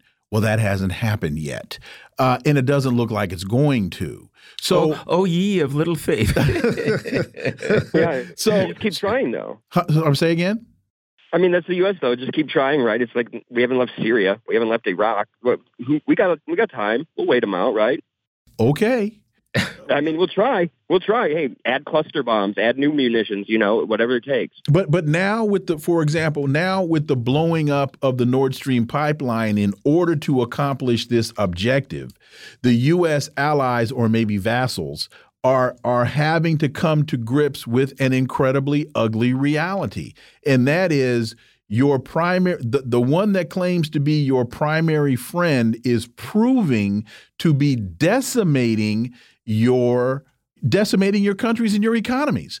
How long do you want to stay in this game? Yeah, I think the question that is the question for a lot of people, and it, obviously some countries look more apt to leave than the ones who want to join. But I think that you know when we look at it, even say the the moderate like Macron has said, you know, this is a brain dead organization needs to be reorganized, so the U.S. isn't the leader here. So it's an actual alliance and not just a U.S. Uh, you know organization that they direct wherever they choose, whether it's Afghanistan or the Ukraine. And then I think, you know, obviously the farther position to the left or to the right on the fringes here is just leave NATO altogether. But I think you're seeing people be very unhappy with it. Obviously, people don't like it. Um, the biggest, you know, Turkey is one of the largest members, and they're kind of on the fence on everything. You know, they wanted Ukraine to join, basically. And this is a strange time, but the thing is, the U.S. is not willing to restructure that leadership at all.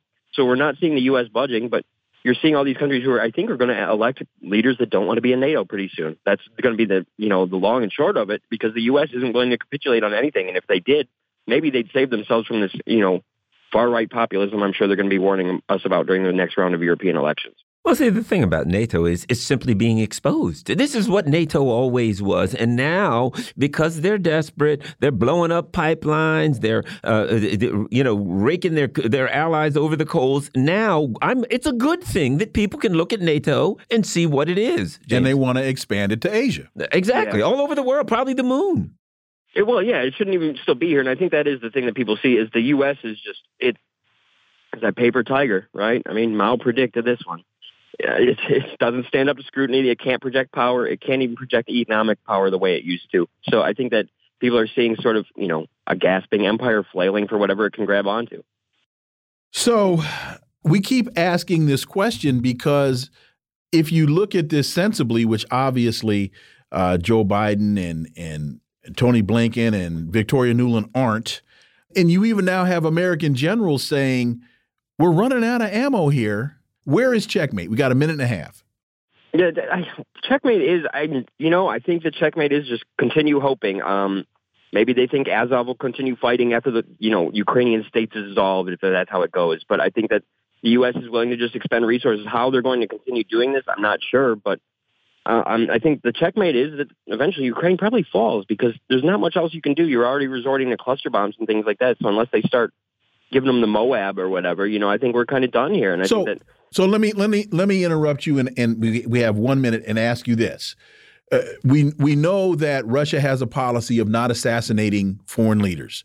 Does does the Russian army make its way into Kiev, or does the do they send missiles into into Kiev, into the capital, and bring them to their knees? We got I think forty five seconds. Yeah, I think probably missiles in, and if not, they'll probably get them to come out of Kiev by the time they show up on the doorstep. Honestly, Zelensky can wear all the fatigues he wants, but I don't think he actually wants to die for this. Hmm. Okay. no, no, I like that. I like that. Yeah, yeah. Zelensky doesn't want to die for this. Uh, I don't know who would, but that's a that's a that's a great point.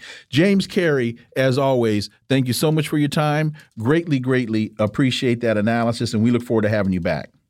All right, thank you. Folks, you're listening to the Critical Hour on Radio Sputnik. I'm Wilmer Leon. I'm joined here by my co host, Garland Nixon.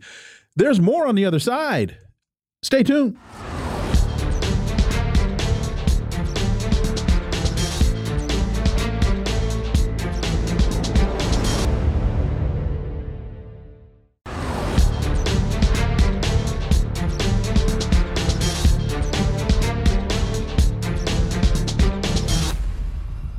We are back, and you're listening to the Critical Hour on Radio Sputnik. I'm Wilmer Leon, joined here by my co host, Garland Nixon. Thank you, Wilmer. Black Alliance for Peace once again calls on international community to reject U.S. UN CARICOM plan for an armed intervention in Haiti. The Black Alliance for Peace is alarmed that representatives of the Caribbean community, CARICOM, are at the forefront of the call for armed intervention in Haiti, calling on Rwanda and Kenya to help lead the charge. For insight into this, let's turn to our next guest. She's a professor of Black Studies and Anthropology at the University of California, Los Angeles, a member of the Black Alliance for Peace, and an editor of the Black Agenda Review segment of the Black Agenda Report. Dr. Jemima Pierre, as always, welcome back. Thanks so much for having me. So, this statement continues CARICOM has caved into pressure from the Biden administration and now supports the U.S. UN plan to violently attack Haiti under the racist, racist guise of humanitarian intervention. This stance reverses a position that many members of CARICOM held early this spring at a time the organization's president and prime minister of Bahamas, Philip Davis, said that the Caribbean countries had no intention of sending forces to Haiti. Dr. Pierre. Yes, it's it's remarkable. Um, what's what's remarkable about this is, is beyond the our, frustration and and uh, and um, uh, the betrayal of CARICOM of Haiti is the fact that just a few months ago, CARICOM did not support a foreign intervention force in Haiti, and we think what happened is in the meeting of in Trinidad and Tobago, July uh, in early July, the 45 heads of government um, uh, of CARICOM met together to celebrate the 50th anniversary of the organization. And sure enough, who who participated in this um, was was um, Hakeem Jeffries. Hakeem Jeffries, the U.S. congressional delegation, was head by this Democratic um, um, African American, as well as Antony Blinken. And soon after that, um, the day later, um, on July 6th, uh, CARICOM issued a communique asking for an armed military, um, quote unquote, humanitarian and stabilization force. Wait a minute. Um, wait a minute. Vice President Harris wasn't there? She wasn't there. She was. She visited the Caribbean earlier. Oh, um, okay. A, a, week earlier. A week. Yes. okay. So I think. All right. I think it's an accumulation of having these two African American politicians. Yeah, I, well I, thought I thought she was at that meeting as well, but it was a week earlier. Okay, thank you. It was a week earlier. And um, and so I think it is a combination of having those two African American politicians and then having Antony Blinken push. Now remember, the U.S. has been trying to get an armed military intervention in Haiti since 2021, and before that, but right after the assassination of Haiti's um, de facto president, they've been trying. And they at first they went to the UN.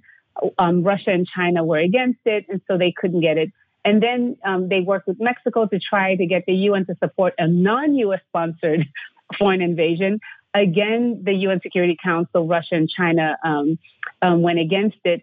Um, and then I think they're changing tactics. This time they brought in Paul Kagame, of all people. Uh, and we know his, the way he wreaks havoc all over the African continent um, as the puppet of the West.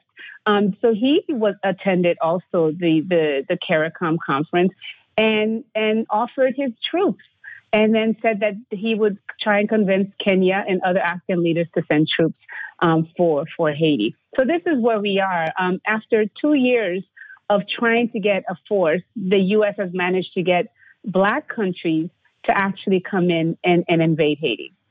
You know, and it's something we've covered here, and that is the issue of the black misleadership class. We've covered that extensively. The Hakeem Jeffries and the Kamala Harris. In fact, we were covering that earlier this week, wherein the U.S. empire needs to do its dirt against black uh, uh, or, or, countries where people are black or Muslim or whatever, and they bring in these Kamala Harrises and Hakeem Jeffries to do their to do their dirt. And this is just another instance. But the thing about the CARICOM people is this: they should know. You know, I've read about this, and some of the Haitian puppets have gone in and, you know, said, oh, we are asking them to come in and bring peace and stop the chaos, blah, blah, blah.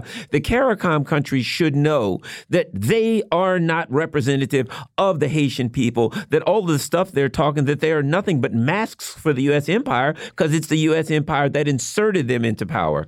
Your thoughts? Well, that's definitely true. Well, there are two things I want to say about CARICOM. For the longest time, CARICOM is 50 years old. They did not allow Haiti in until early 2000, 2002, where they ratified Haiti's Haiti's um, um, membership. For the longest time, all of them were against Haiti, and you know there, there's there's all kinds of prejudices um, against Haiti um, in the Caribbean. Um, if you look at CARICOM's immigration policies towards Haitians, they're they're some of the worst in the world, and so we have to to know this. And what's interesting is is is that so they were always afraid of Haiti's population because Haiti's the largest population um, of a member CARICOM country. Haiti, almost 12 million people. The closest country that comes to that is is Jamaica, with I think three or four million. So that tells you already the power of Haiti is scary to them. But the other thing is CARICOM has not paid attention to what's going on in Haiti. I attended a meeting with a CARICOM um, representative just uh, three days ago where they were trying to get buy-in for this force. And of course, I accidentally got invited to this meeting. And I show up and I realized this CARICOM representative did not even know when the crisis in Haiti began. He placed it at the um, at the election of Jovenel Moïse and doesn't really think about, didn't really even know the fact that there's a core group that's been running Haiti since 2004, that the U.S. installed the the, uh, the, the, the de facto government and so on and so forth. So CARICOM to us is really a, a, a puppet, a puppet organization that's trying to gain favor with the U.S. at the expense of, of Haitian people. And that is the most disgusting betrayal um, that can happen to us at this point. What is the policy? I can't remember the name of using humanitarian aid. Uh, uh responsibility to protect R2P. Thank you. Responsibility to protect. Thank you. So, what is the carrot and what is the stick that the United States is using to convince uh, CARICOM and, and, and Rwanda and Kenya to intervene? Well, I'm sure it has everything to do with funding, or maybe they're, you know, they're dangling a possible seat on the UN Security Council in front of Haiti. You remember that's the reason Brazil had the military occupation in Haiti in 2004 because they thought, you know, Brazil and Lula thought that they would probably get a seat on the UN Security Council. I, I also think these are, you know, very deeply neo-colonial government. Even Mia Mottley, right, who everybody thinks is the left you know, great progressive, she follows U.S. imperial policy, you know, and so I think that's what's happening. I also wanted to say in, in this meeting, what CARICOM should have said is what the Russian Federation said during the, the, the UN Security Council briefing last year, where they said, we don't understand, and this is a quote that was left out of the UN sum, summary, by the way, and, and, and I wanted to say for the, your, your listeners, the Russian Federation says Systemic crisis in Haiti was preceded by many years of ex- destructive external interference. We don't quite understand why, with a stalled political dialogue, with no control over weapons trafficking, the idea of sending a multinational force, military force to Haiti is seen as a cure-all solution to Haiti's problems.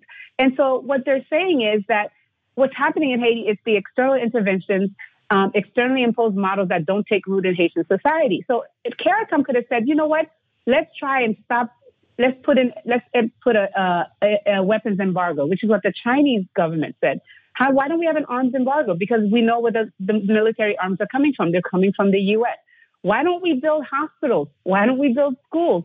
Why don't we, you know, uh, replace the fuel subsidies that the IMF forced the de facto government to replace? There's so many things they could have done, but their only thing is is this idea that Haiti needs a military force, which actually builds on this really long racist idea um, that that that black people just need force.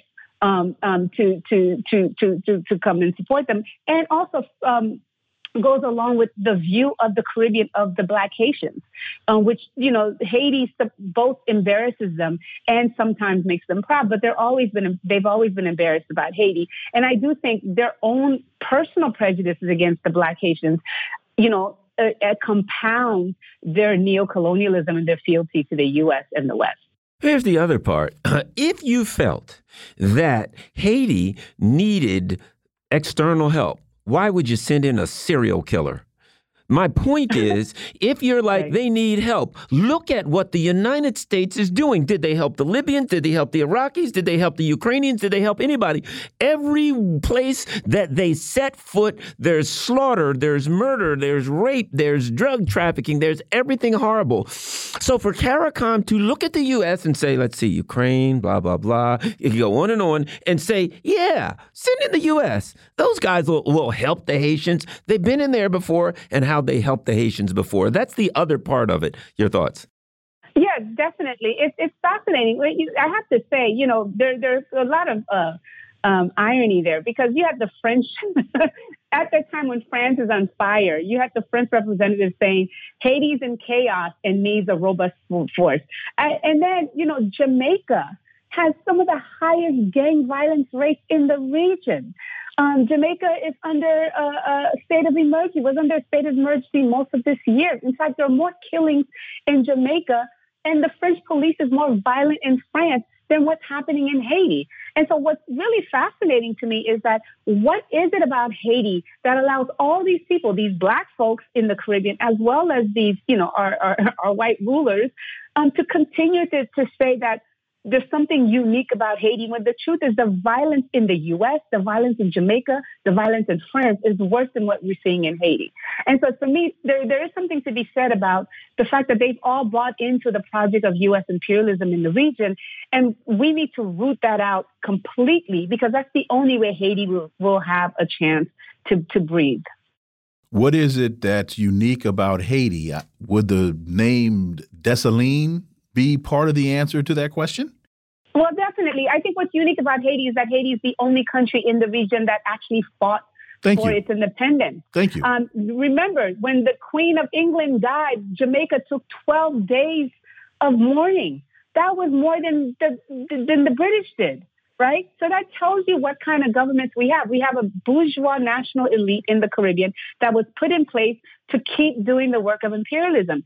And they need a revolution. And until they get their revolution and get their you know, get their heads straight and, and away from, you know, this, uh, you know, fulfilling the white man's burden, we cannot have a free region. Kamala Harris's father is from Jamaica, if I if my memory serves me correctly. So right, and I and I so I go back to her again and ask uh, the what if you could articulate the role that she is playing as an emissary for uh, on behalf of the U.S. for for all of for all of this. Right. Well, the only thing I can say about Kamala Harris is that that same father denounced her. Right. Remember that. Yes. so that's why I brought it up. Sees, right, because he sees her as a traitor, as a traitor to the people, to the region, to Black freedom and liberation. And so Kamala Harris plays the same role as all these uh, these Negro misleaders. You know, the, the foreign minister in England, for example, I forget his name, Hakeem Jeffries, Brian Nichols, who's the, you know, um, the, the U.S. State Department representative for the region, all of them. And, you know, and the truth is you know, we would not have slavery last as long if it wasn't for the black overseers. And so we have to actually root out all of them. And to me, she's a problem. She's a bigger problem, I think, than than than, than Biden and Blinken because she has, you know, there's a there's an African proverb that says, you know, when when the when the axe came into the forest, the tree said, "The handle is one of us." Right. So, so it, it's much more convenient for them to have black folks you know, leading and, and shooting each other and bringing each other down. And, and that, that's how white supremacy and imperialism continues to roll. When the axe came into the forest, the tree said, The handle is one of us. Right. Wow. Yes, and and and you know the uh, the thing about the the people in the in, in the in the um, Caribbean community that they don't well maybe do or don't realize probably don't care is that as the U.S. cements its foothold in Haiti, as it cements its power in the area, it's only going to come down harder on them. It's only going to be more. You know, their life is going to get more difficult, and they're going to have their resources extracted even more. We got uh, thirty seconds. Exactly. But you also know that the Caribbean, Haiti is one of the few places where people still own their land and still produce their things. If you look at the Caribbean islands, they're all based on, you know, um, and so on and so forth. So they're all a neoliberal um, a model of, of, of economics and government. So of course, you know, they they don't see it yet. And Haiti is a laboratory, right? I mean, because the truth is, what we can ask is we can ask the UN since you've been controlling Haiti and running Haiti as a trustee territory since 2004. How is it that you allowed the criminal gangs to to run Haiti? But nobody's asking the UN that. And so part of that is we have to actually really be serious that CARICOM is not representative of the people of the region. CARICOM is a bunch of bourgeois, neoliberal um, heads of state that were put on and, and that, that sustained empire. And until we root out, you know, this, this, this, this disease in the region, no one in the region will be free. Dr. Jemima Pierre, as always, thank you so much for your time. Really appreciate that analysis, and we look forward to having you back. My pleasure. Thank you for having me. Folks, you're listening to the Critical Hour on Radio Sputnik. I'm Wilmer Leon. I'm joined here by my co host, Garland Nixon. There's more on the other side. Stay tuned.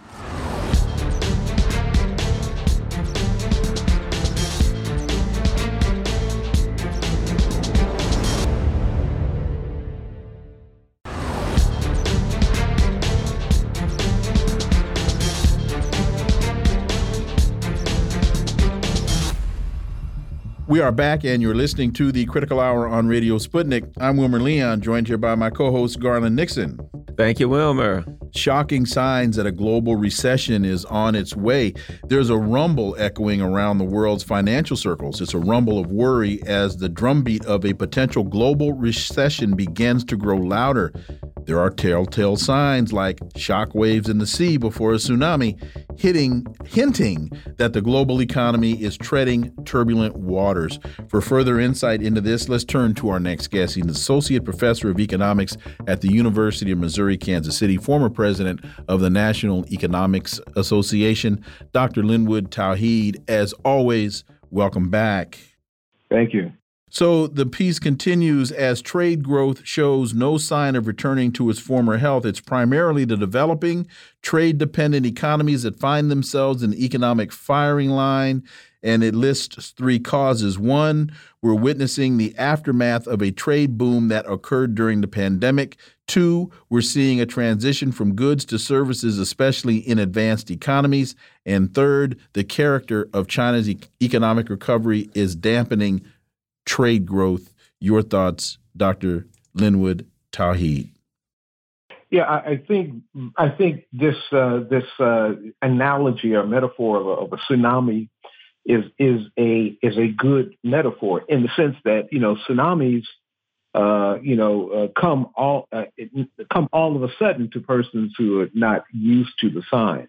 Mm-hmm. That is, uh, you know, you, you see the water receding out from the beach uh, everything is is fine. The the it's sunny, and then the next thing you you get a 50 foot, 100 foot wave that's coming to shore that's going to wipe everything out. Well, wait a minute. There's there's one there's one sign that you're omitting.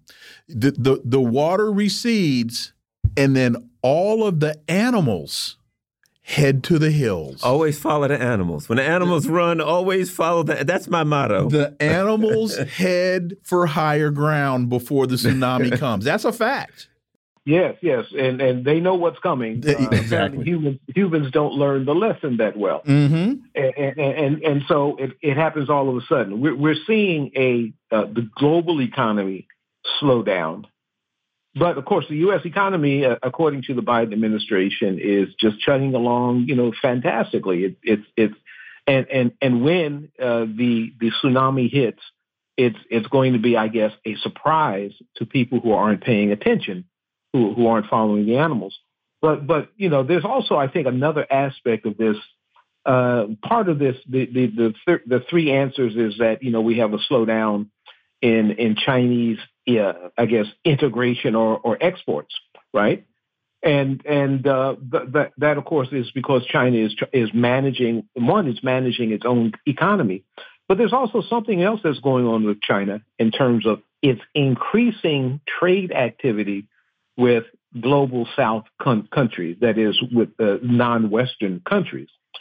And and while trade with the West, it, with China, is slowing down, trade with the rest of the world is increasing, and I don't think that's being uh, captured in the data very well. So, so while the, the, the global recession uh, uh, may in fact be a, a somewhat of a global recession, is going to be more drastic in the West and and the, the Chinese and the Russians and the BRICS and so forth are planning uh, for how they increase their trade among themselves so that they, they they move their economies forward while the West is faltering. And and so yes, shocking signs of global recession, but I don't think it's going to affect all parts of the globe equally. I think it's going to be very drastic in the West. You know, it kind of seems to me, I, I, put it this way countries of the world that have been more victims of neoliberal capitalism than, you know, uh, have, have, have benefited from it see the coming collapse of this very highly intentionally flawed system and are starting to build the mechanisms so that they can operate outside of it. And as it collapses, their mechanisms may not be fully built, but they'll have some economic structure to, to, to, to, to, to um, operate because it, it seems to me what we're seeing is not that the global economy is collapsing, that the contradictions of neoliberal capitalism are coming to their inevitable end. Your thoughts? Yes, uh, I was just thinking of the 2008 crisis when you know the financial system collapsed the the the economy. Uh, it was the financial the persons who collapsed the economy that were asked to restore the economy, right? Those mm -hmm. who were responsible well, in this case, the rest of the world is not going to turn to the West to help them uh, get through this recession. They're turning to each other. They're they're turning to to uh, the the new organization, the uh, the multipolarity uh, uh, process, and uh, they are they're they're doing so, you know, prompted by just the the the way that the, the West has has treated uh, those countries in Africa and South America in terms of this neo-colonialism, and now the end of this neoliberalism process is forcing them to go on their own as opposed to rely on the West. Looking at this another way, we talked uh, uh, last week about Americans are going deeper into debt as they use the buy now, pay later apps to buy their groceries. So as we have this uh, tsunami on the horizon, what's going to happen to them? What's going to happen to those who have used the reverse mortgage because they've run out of their savings or their pensions are are are dwindling? There, there's more month at the end of the money. Um, what's going to happen to them? Well, you know, uh, uh, my colleague Michael Hudson has said debts that can't be repaid won't be repaid. So, so when persons are in extreme debt and uh, don't have the income to pay those debts off, that that debt has to be written down. Uh, that that of course uh, doesn't necessarily the way things happen in international trade when countries can't pay their debts. Then the creditors, the the finance institutions, want to come in and claim their resources and and of course that's that's uh, you know a, a, a, a, the Western claim on on uh, South American and and uh, African and Asian resources is being countered by uh, cooperation with uh, South America, Africa, uh, you know, South America, Africa, and and Asia, the cooperation with the with the, the Chinese and, and uh, primarily the Chinese, but also the Russians. And so and so these other countries will have somewhere to turn. Now, U.S. consumers won't have anywhere else to turn. Uh, if if if you can't pay your debts, then then you go into bankruptcy, you lose your house. Uh, the rest of the world is not not going to follow in that in that direction. Orinoco Tribune has an interesting article, The Inevitable De-Dollarization. Sergio Rodriguez Gelfenstein wrote, the author points out that this view is no longer limited to countries of the global south. The participation of China, Russia, and the BRICS group as active protagonists in the process could guarantee that it is indeed possible to move forward in a process that will definitely fracture, and this is the important part, one of the fundamental pillars of U.S. and Western hegemony. They have sanctioned themse themselves into to a point where people people are desperate to get out from under the dollar system. Your thoughts, Dr. Tauheed?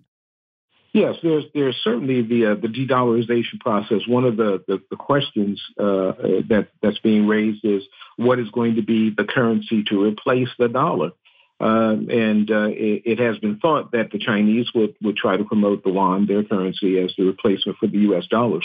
But but that doesn't that's not the way that things are working. Um, uh, countries in, in the global south, non-Western countries, are are using their own currencies. Russia and India are are trading in rubles and rupees, not not in the yuan and not not in just the ruble by itself. And so you have uh, countries that are doing what are called currency swaps. They, uh, countries are trading using their own currencies back and forth.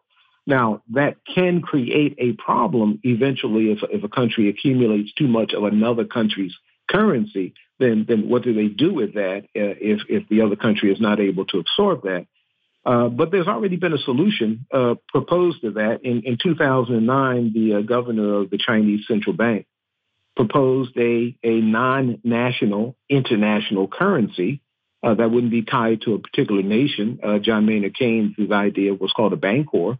Uh, that's already that was already out there uh, in 2009, and so I think that the uh, the global South countries led by China are are not looking to replace the, the dollar with the yuan, but to replace the dollar with a national and a, an international currency, a non-national currency that will be more stable and will allow uh, developing countries to actually democratize their trade so that they they don't fall under a Chinese hegemon like they fall under U.S. hegemon. So I think I think the the, the, the de-dollarization process is not going to end up with a new Chinese hegemon. Uh, it will end up with more democracy and trade.